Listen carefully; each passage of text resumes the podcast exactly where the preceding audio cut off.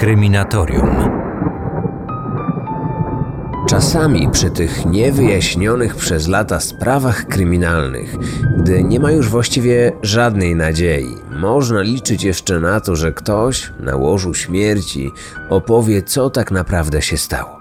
I w tej historii mogło być podobnie, bo sprawca, o którym za chwilę opowiem, w ostatnich latach swojego życia pewnemu dziennikarzowi wyjawił skrywany przez lata sekret. Pytanie tylko, czy powiedział prawdę. Tego już za chwilę się dowiecie, ale najpierw mały wstęp. Ja nazywam się Marcin Myszka, a to mój podcast o tematyce kryminalnej.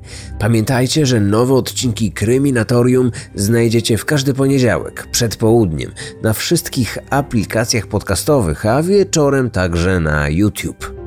Dziś sprawa porwania dla okupu znanej lekarki Stefanii Kamińskiej. To zdarzenie wstrząsnęło całym Płockiem, a śledztwo trwało długich 15 lat. Niektórzy mówią nawet, że to najgłośniejsza i najciekawsza sprawa poszlakowa, jaka miała miejsce w czasach PRL-u. I zakładam, że może być w tym ziarno prawdy. Kryminatorium. Otwieramy akta tajemnic. 64-letnia doktor Stefania Kamińska z Płockiem związana była od 34 lat. Mieszkała z mężem Kazimierzem, który również był lekarzem. Mieszkali w kamienicy na ulicy Tumskiej 6. Tam też razem przyjmowali popołudniami swoich pacjentów. Ona jako najlepszy w mieście pediatra, on radiolog oraz specjalista od chorób płuc. W pierwszej połowie dnia pracowali na etatach. Stefania w żłobkach, przedszkolach i szkołach. Kazimierz w przychodni.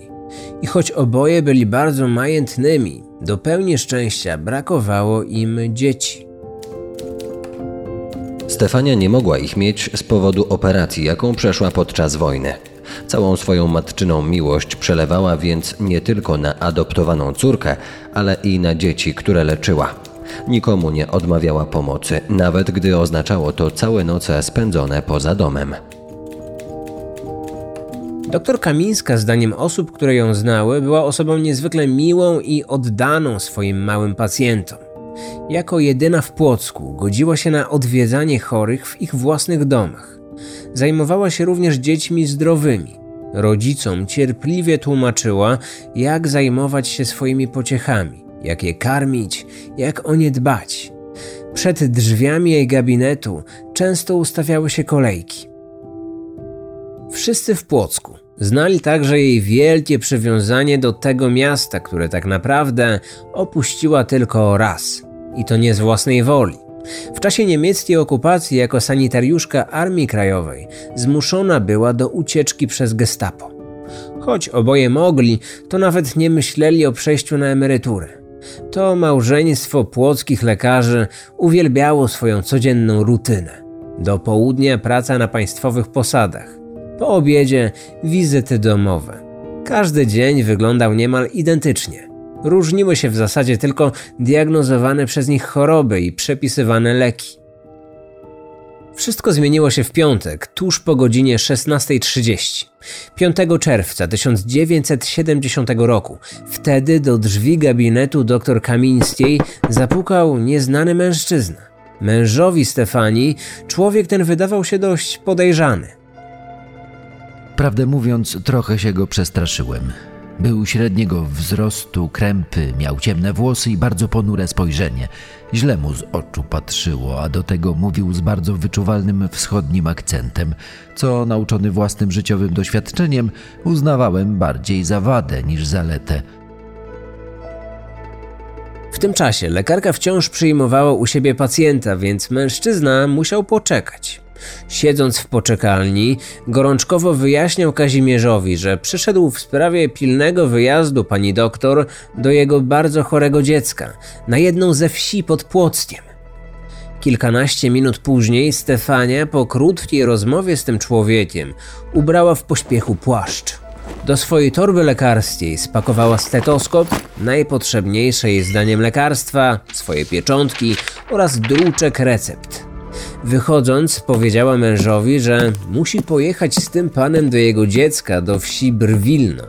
Doktor Kamiński widział z okna swojego gabinetu, jak jego żona pomachała mu, zanim wsiadła do zaparkowanego pod ich kamienicą beżowego trabanta. Wtedy Kazimierz widział ją po raz ostatni.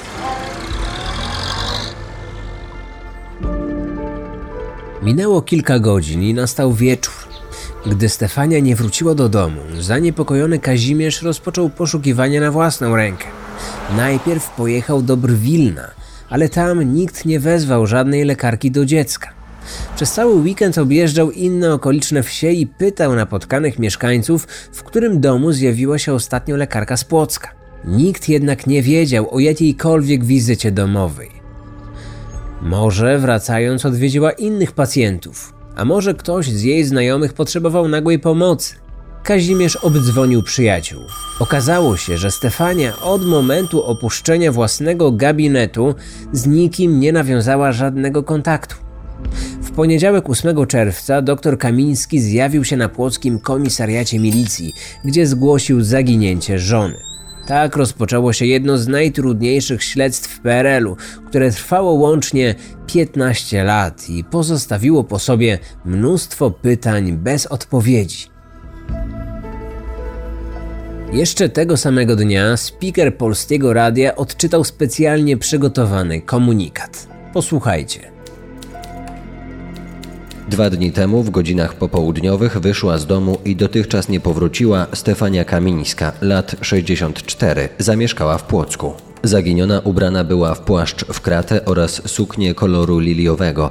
Miała ze sobą dużą wiśniową torbę skórzaną, a w niej przyrządy lekarskie. Stefanii Kamińskiej towarzyszył mężczyzna średniego wzrostu, krępy, włosy ciemne, twarz kwadratowa, nos mały. Ubrany był w ciemny garnitur i nosił okulary. Taki rysopis podał oczywiście mąż Stefanii, ale niewiele więcej mógł powiedzieć o mężczyźnie, z którym wyszła jego żona. Wkrótce po przyjęciu zgłoszenia rozpoczęły się zakrojone na szeroką skalę milicyjne poszukiwania zaginionej lekarki. Funkcjonariusze penetrowali wszystkie puste budynki w Płocku i w okolicach. Zaglądano do każdej studni, sprawdzano zbiorniki wodne, przeczesywano lasy i pola. Do poszukiwań wykorzystywano specjalnie szkolone psy tropiące, a nawet zamontowano na milicyjnym śmigłowcu kamerę termowizyjną na podczerwień, co w tamtych latach było w Polsce nie tylko nowością, ale i zdecydowaną rzadkością. Milicjanci nie ograniczali się wyłącznie do metod powszechnie uznawanych za regulaminowe. Byli tak bardzo zdeterminowani, że zdecydowali się skorzystać również z pomocy radiestetów. Wbrew nadziejom zrozpaczonego męża zaginionej, w poszukiwaniach nie nastąpił spodziewany przełom. Nie było nawet żadnego punktu zaczepienia. W początkowym etapie śledztwa sprawa zniknięcia znanej w Płocku lekarki wydawała się bardzo tajemnicza i zagadkowa. Tylko jedno było pewne. Mężczyzna mówiący ze wschodnim akcentem celowo wywabił z domu, a następnie uprowadził i wywiózł w nieznanym kierunku Stefanię Kamińską. Ale dlaczego to zrobił? Jaki był motyw tego porwania? Nie mając żadnych wskazówek, milicjanci brali pod uwagę wszystkie scenariusze.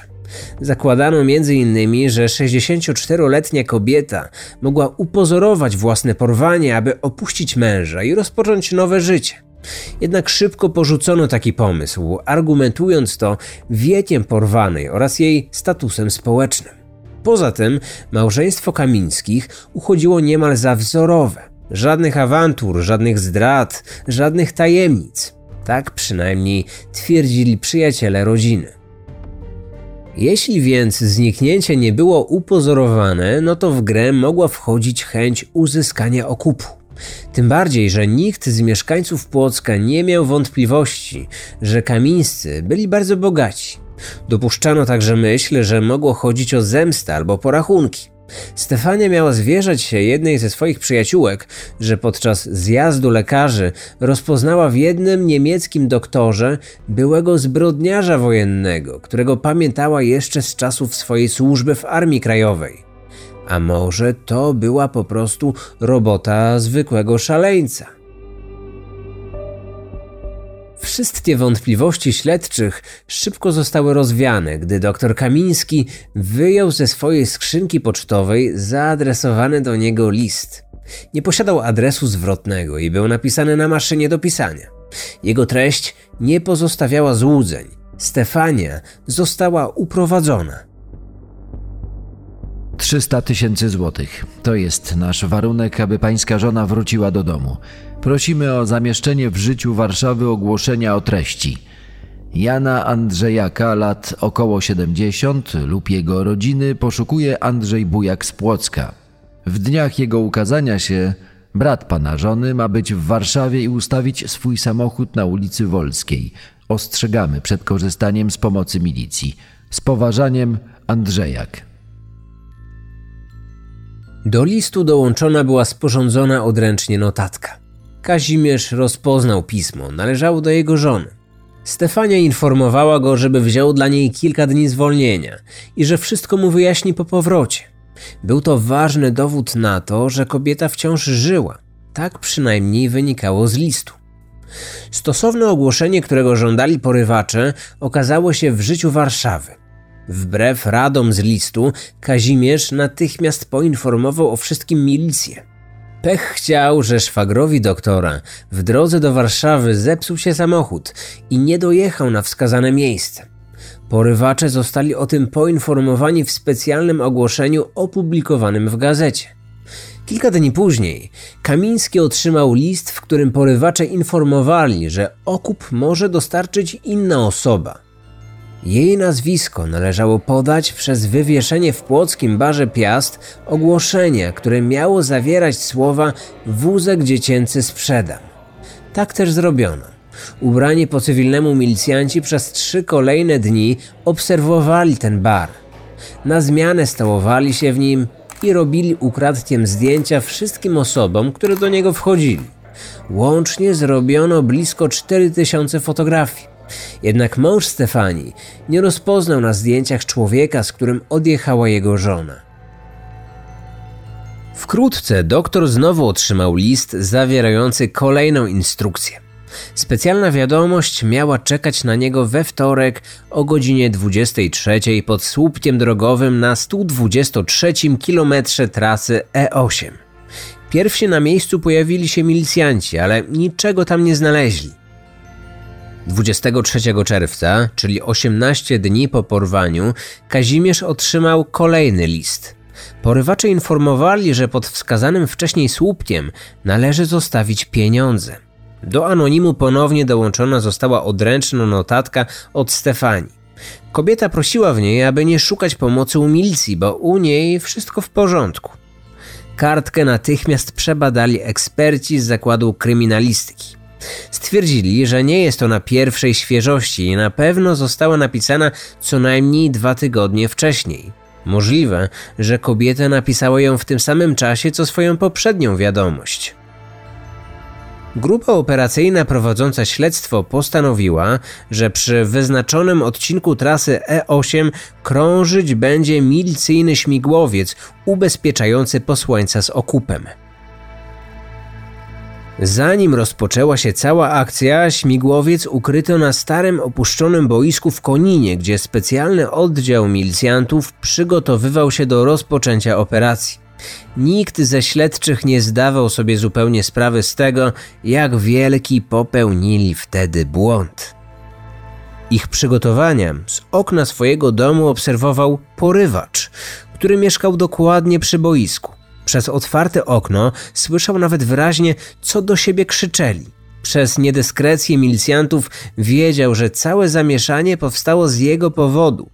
Pozostawiony przy słupku okup oczywiście się nie zgłosił.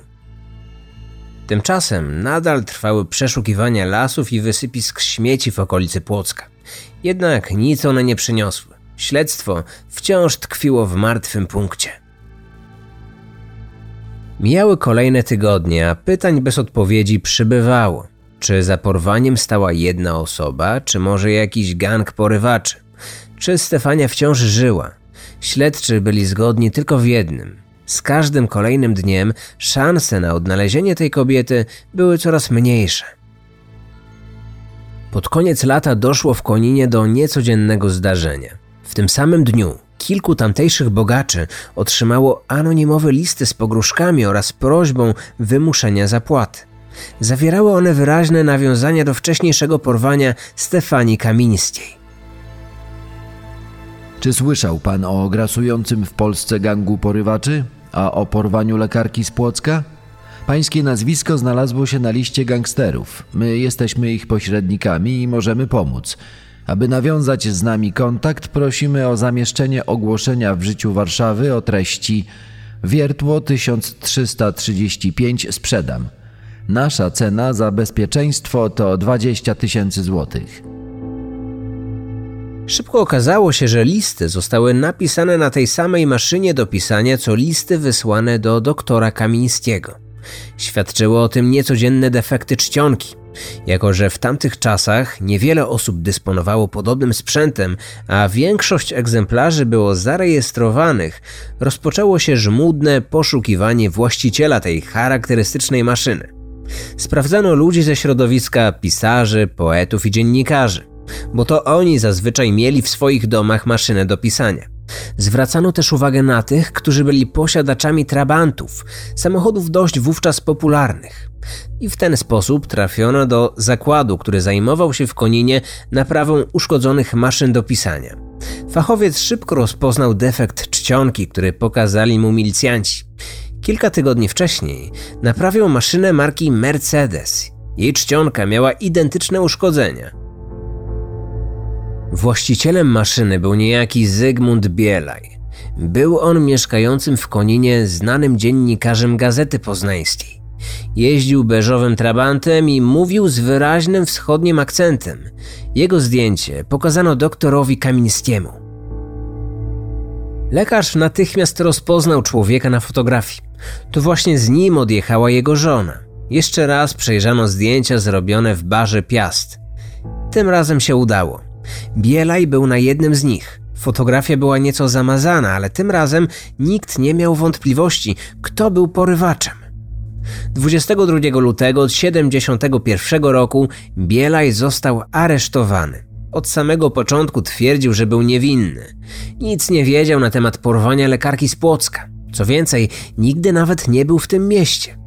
Przedstawiał się jako Polak urodzony w chłopskiej rodzinie na Kresach. Jednak zdaniem śledczych, nawet jak na Kresowiaka, zbyt często wtrącał w swoje wypowiedzi ukraińskie słowa.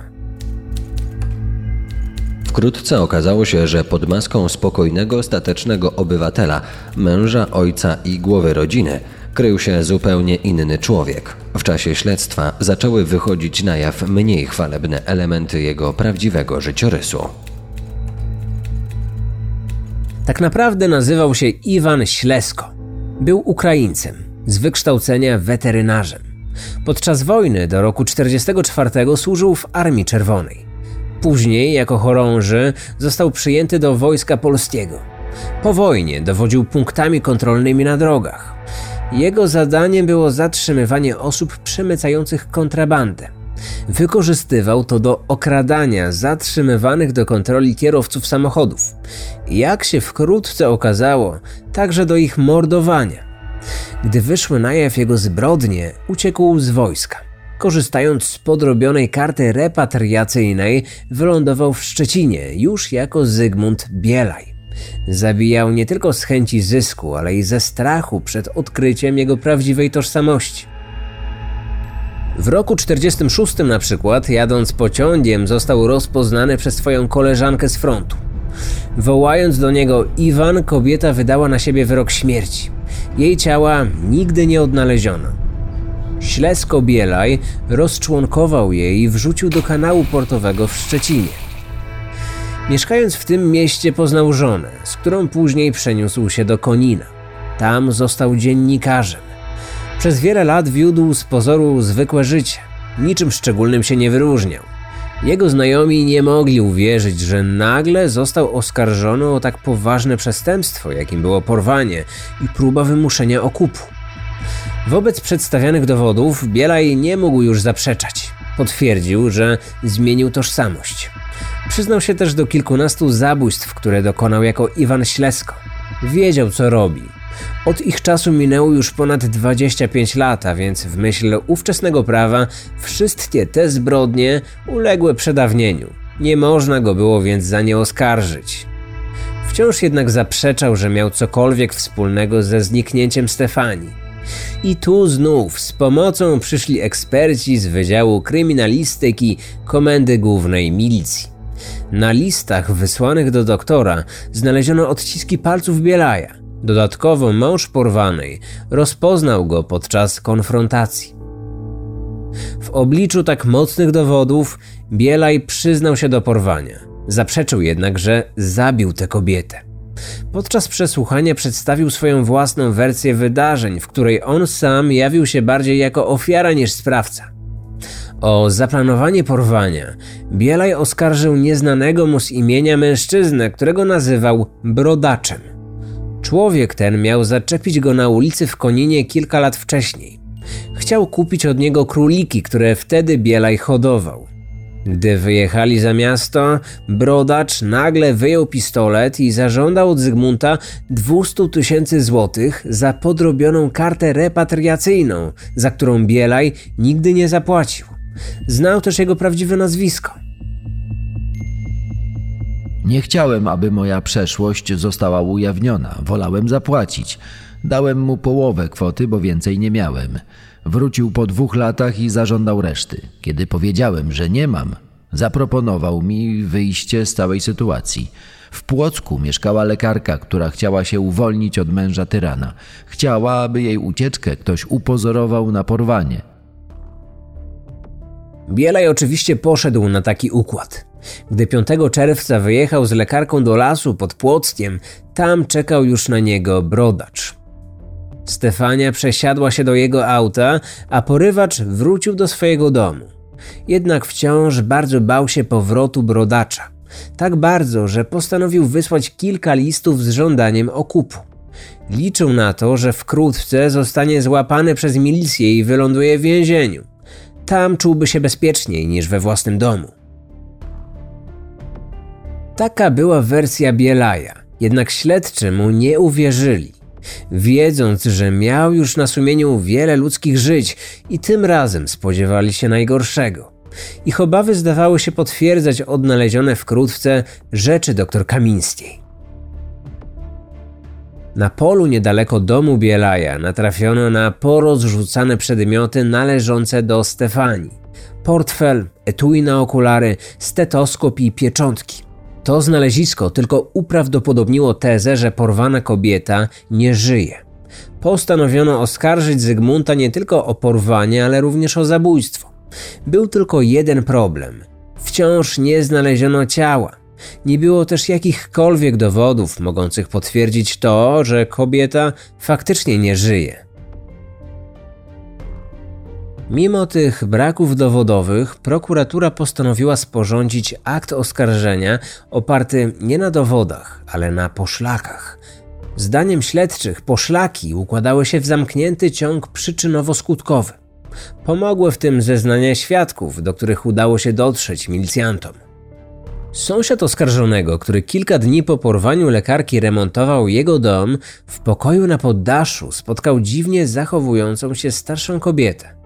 Wtedy natychmiast pojawił się tam gospodarz, pociągnął sąsiada za ubranie i wyprowadził z pomieszczenia. Następnie stwierdził, że to jego chora psychicznie ciotka, którą się opiekuje.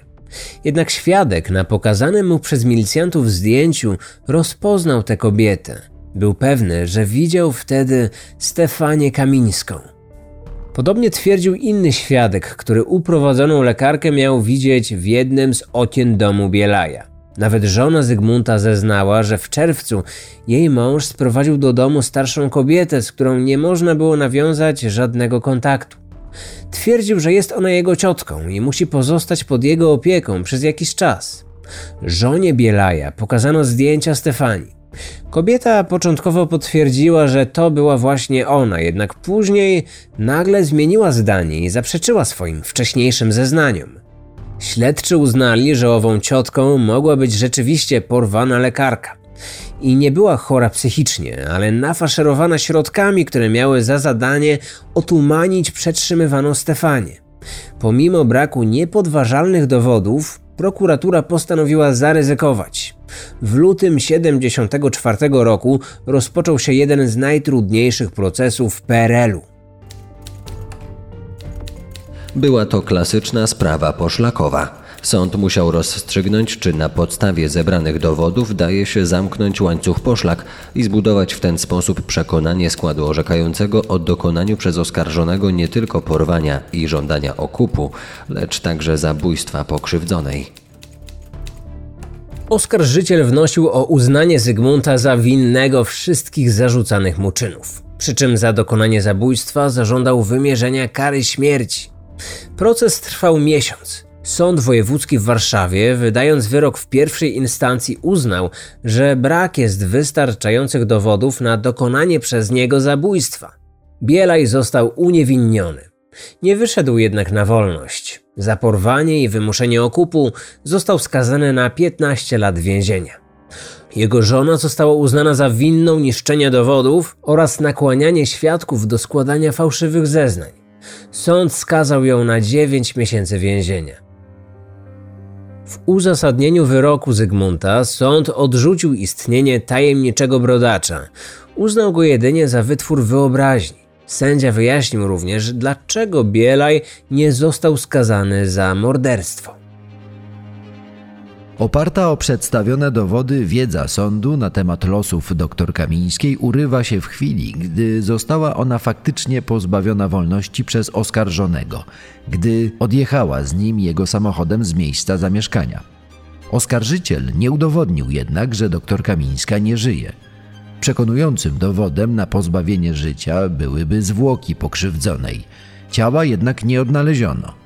Jak zostałoby ocenione orzeczenie sądu skazującego oskarżonego za zabójstwo w sytuacji, gdyby kiedyś nadeszła z zagranicy kartka od dr Kamińskiej z życzeniami dla rodziny? Przecież wersja jej dobrowolnego wyjazdu z kraju, stworzona przez oskarżonego, nie została do końca przez oskarżyciela obalona. Po procesie prokurator zaskarżył wyrok uniewinniający. Obrońcy zrobili to samo z wyrokiem skazującym. Sąd Najwyższy podtrzymał jednak wyrok pierwszej instancji. Jednocześnie wyraził przekonanie o tym, że łańcuch poszlak nie został należycie zamknięty. Zwrócił przy tym uwagę na to, że nie ustalono nawet miejsca, czasu i sposobu dokonania ewentualnego zabójstwa. Prokurator generalny wystąpił z rewizją nadzwyczajną. Sąd Najwyższy tę rewizję uwzględnił i całą sprawę zwrócił do prokuratury w celu uzupełnienia materiału dowodowego. Śledztwo trwało aż do listopada 1977 roku. Było żmudne i pracochłonne. Śledczym udało się dotrzeć do dwóch nowych świadków. Widzieli oni w domu Bielaja starszą kobietę, którą na okazanych zdjęciach zidentyfikowali jako Stefanię. Na tej podstawie, miesiąc później, prokuratura ponownie skierowała do sądu akt oskarżenia. Przyjęto, że oskarżony po porwaniu przetrzymywał uprowadzoną lekarkę w swoim domu. Tam też bezskutecznie czekał na otrzymanie okupu. Kiedy zrozumiał, że żądanych pieniędzy nie uzyska, zamordował kobietę. Jej ciało poćwiartował, a zwłoki ukrył w nieustalonym miejscu. Tym kolejnym procesie Zygmunt ponownie został uznany za niewinnym popełnienia morderstwa. Sąd nie uwierzył w zeznania nowych świadków. Twierdził, że ich relacje nie wprowadziły niczego nowego. Nie było więc pewności, że starsza kobieta rzeczywiście przebywała u niego w domu.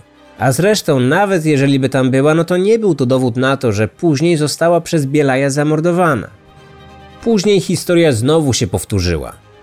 Rozpoczęto nowe śledztwo, które także nie przyniosło oczekiwanych efektów. Pięć lat później, 2 stycznia 1985 roku, prokuratura uznała w końcu, że nie jest już w stanie pchnąć sprawy do przodu. Ostatecznie śledztwo przeciwko Zygmuntowi Bielajowi zostało umorzone. W uzasadnieniu tej decyzji prokurator stwierdził: Wprawdzie zebrany materiał dowodowy w wysokim stopniu uprawdopodobnił wersję, że Iwan Ślesko, znany jako Zygmunt Bielaj, dokonał zabójstwa na osobie Stefanii Kamińskiej, Niemniej pozostały przynajmniej nieznaczne wątpliwości, które w tym zakresie należy tłumaczyć na korzyść podejrzanego. Zygmunt Bielaj w więzieniu spędził łącznie 18 lat. Po wyjściu na wolność trafił do domu opieki społecznej w Zagórowie, gdzie spędził ostatnie chwile swojego życia. Tuż przed jego śmiercią w roku 93 odwiedził go dziennikarz nieistniejącego już tygodnika Miliarder. Zamierzał dowiedzieć się czegoś więcej od umierającego już starca, który miał na swoim koncie wiele zbrodni, w tym tę najbardziej znaną porwanie i domniemane zabójstwo pani doktor. Dziennikarz miał nadzieję, że na łożu śmierci Bielaja ogarną wyrzuty sumienia, których nigdy nie okazał i jakimś cudem uda się go nakłonić do wyznań. Że powie coś, czego śledczy nigdy się nie dowiedzieli. Że w końcu wyjawi tak długo skrywaną prawdę o ostatnich chwilach życia uprowadzonej lekarki. Schorowany na wpół ślepy i głuchy Bielaj z trudem usłyszał pytanie dziennikarza co tak naprawdę stało się z doktor Kamińską po tym, jak opuściła gabinet, udając się na swoją ostatnią wizytę domową. Dziennikarz spodziewał się, że usłyszy wymijającą odpowiedź. Coś w stylu, że po tylu latach nie pamięta. Jednak Bielaj ożywił się, a następnie z nieukrywanym zadowoleniem w głosie odpowiedział. Po tym, jak ją steroryzowałem, dobrowolnie weszła do bagażnika samochodu. Kiedy dojechaliśmy do Konina, nie dawała już znaku życia. Musiała umrzeć po drodze. Nie wiem, co jej się stało. Może dostała zawału serca ze strachu, może uderzyła głową o leżący w bagażniku lewarek. Jej zwłoki zakopałem na śmietniku blisko domu, w którym mieszkałem. Mówiąc to, Bielaj wybuchnął nagłym, głośnym, histerycznym śmiechem. Czy mówił prawdę? Ciała dr Kamińskiej nie znaleziono we wskazanym przez niego miejscu. Zeznania męża lekarki także przeczyły jego słowom. Przecież z okna swojego gabinetu widział on wyraźnie, jak jego żona wsiadła do trabanta, ale jako pasażer. Nawet mu pomachała na pożegnanie. Nie została steroryzowana, nie położyła się w bagażniku.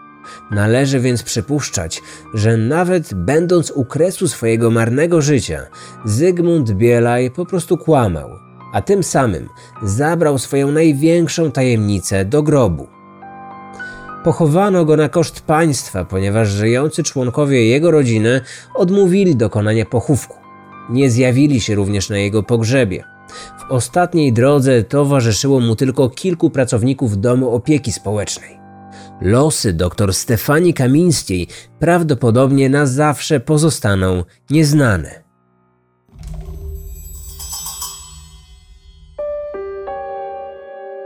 Odcinek powstał w oparciu o książkę Józefa Gurgula, będącego jednym z oskarżycieli w procesie Zygmunta Bielaja. Wykorzystano także artykuły opublikowane w Detektywie Ekstra, Wprost, Gazecie Wyborczej, Kurierze Tumskim oraz Gazecie Prawnej.